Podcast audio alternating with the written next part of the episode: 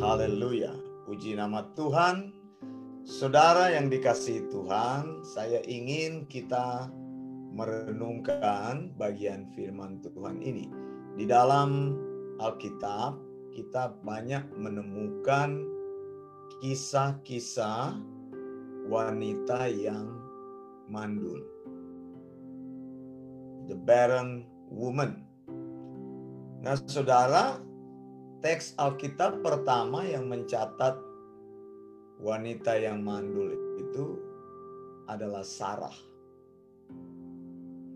Dan kita tahu bersama ketika suaminya Abraham berdoa, berdoa, dan berdoa, berdoa, dan berdoa, Sarah bisa hamil meskipun usianya sudah tua. Dan Sarah melahirkan Ishak.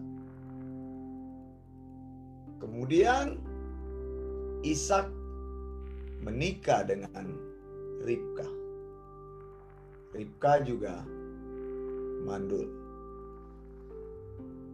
Kemudian Ishak berdoa, berdoa, berdoa dan berdoa.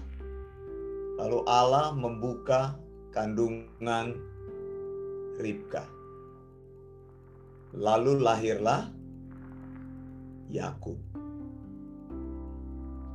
Abraham, Ishak, dan Yakub adalah nama yang selalu terngiang-ngiang atau dari nama-nama ini kita kenal mereka adalah pahlawan-pahlawan iman. Kita juga sering berdoa Bapak Abraham, Ishak dan Yakub. Karena Alkitab mengajarkan bahwa Allah yang kita sembah adalah Allah yang hidup. Kemudian Yakub menikah dengan sebenarnya dia ingin menikah dengan Rahel, tetapi kebiasaan waktu itu tidak membolehkan menikah dengan adik lebih dulu. Jadi Yakub menikah dengan Leah. Dicatat oleh Alkitab. Kemudian dia menikah dengan Rahel. Rahel mandul. Lalu Yakub berdoa, berdoa dan berdoa. Akhirnya Rahel melahirkan pertama siapa? Yusuf dan kedua adalah Benyamin. Nah, saudara yang dikasih Tuhan, di dalam sejarah Alkitab kita menemukan orang-orang ini atau wanita-wanita ini mereka mandul dari wanita-wanita yang tidak aktif. Kemudian mereka masuk dalam perjanjian dengan Allah. Perannya menjadi lebih berkembang dengan cara Allah memberkati kandungan mereka. Nah, orang-orang yang saya sebutkan tadi itu dilahirkan dalam keadaan yang tadinya mamanya mandul menjadi orang-orang yang mempengaruhi sejarah. Ishak, Yakub, Yusuf. Ya.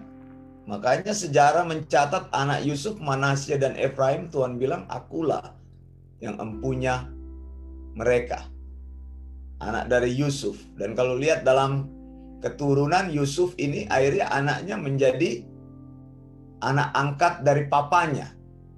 Dimasukkan di dalam suku Israel. Nah kemudian hari kita mendengar, membaca di dalam, sebenarnya masih ada lagi, tapi saya tidak mengutipnya semua.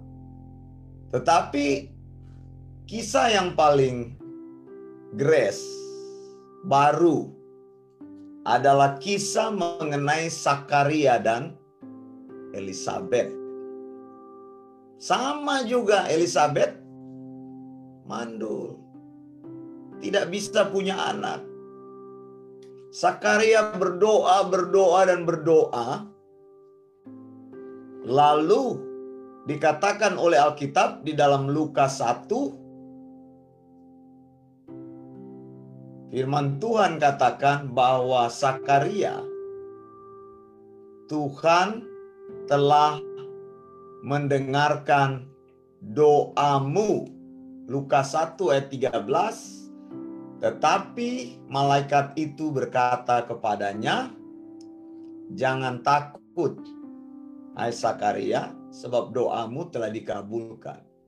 Dan Elizabeth istrimu akan melahirkan seorang anak laki-laki bagimu dan haruslah engkau menamai dia Yohanes. Kelahiran Yohanes ini adalah apa itu mengawali dari kelahiran Mesias.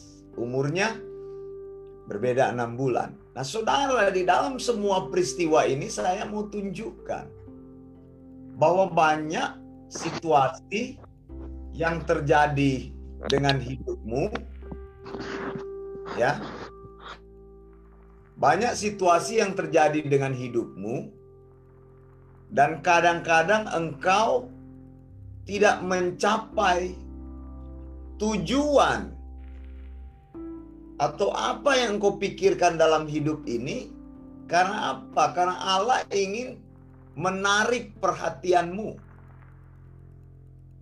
supaya engkau berdoa.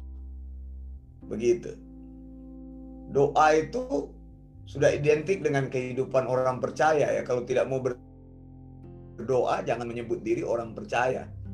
Jangan menyebut diri sound doctrine kalau engkau tidak mau berdoa. Kita belajar sound doctrine karena kita ingin hidup di dalam sound doctrine mempraktekannya. Doa Makanya kita kembangkan pelayanan doa ini. Berdoa terus, berdoa terus, berdoa terus. Orang yang mandul aja bisa dibuka kandungannya. Apa permohonan doamu? Jawabannya adalah berdoa, berdoa, dan berdoa. Begitu saudara. Cuma itu kuncinya. Amin. Jadi doa, doa, dan doa. Abraham sudah membuktikan. Doa, doa, dan doa Meskipun Abraham hampir putus asa. Berapa lama dia berdoa? Lama sekali saudara. Sampai usianya lanjut. Kadang-kadang kita pikir kenapa kok Tuhan tidak memberikan kita apa yang kita inginkan selagi kita mempunyai kekuatan. Kok Tuhan hampir di ujung-ujung umur kita baru dijawab doa kita. Karena Tuhan ingin menarik perhatian kita. Supaya kita berharap kepada dia. Amin ya.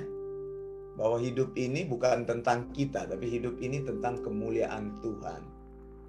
Jadi biar kemuliaan Tuhan dinyatakan di dalam hidup kita. Itu maksudnya. Nah, makanya malam ini kita akan dedikasikan apa saja yang kita doakan. Saya percaya bukan karena kekuatan doa saya, tetapi karena saya memberikan respon saya untuk berdoa gitu. Kan jawaban doa bukan karena saudara rajin berdoa, bukan. Bukan, tapi respon kita.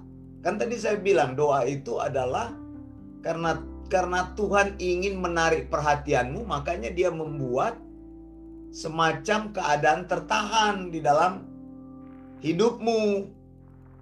Kadang-kadang nanti kalau sudah tua baru itu dijawab. Kok Tuhan nanti sudah saya rasanya tidak perlu tidak saudara untuk kemuliaan Tuhan bukan untuk kita. Ishak lahir itu bukan untuk Abraham, tapi untuk menyatakan sejarah penyelamatan Tuhan. Yohanes lahir bukan untuk Sakaria, Yohanes Pembaptis, betul kan? tapi untuk kemuliaan Tuhan dinyatakan Yohanes membuka jalan untuk Yesus. Nah, saya berdoa supaya Tuhan melakukan sesuatu kepada saudara bukan untuk saya dan bukan untuk diri saudara, tetapi supaya kemuliaan Tuhan dinyatakan melalui hidupmu. Amin. Ya, mari kita sama-sama akan berdoa.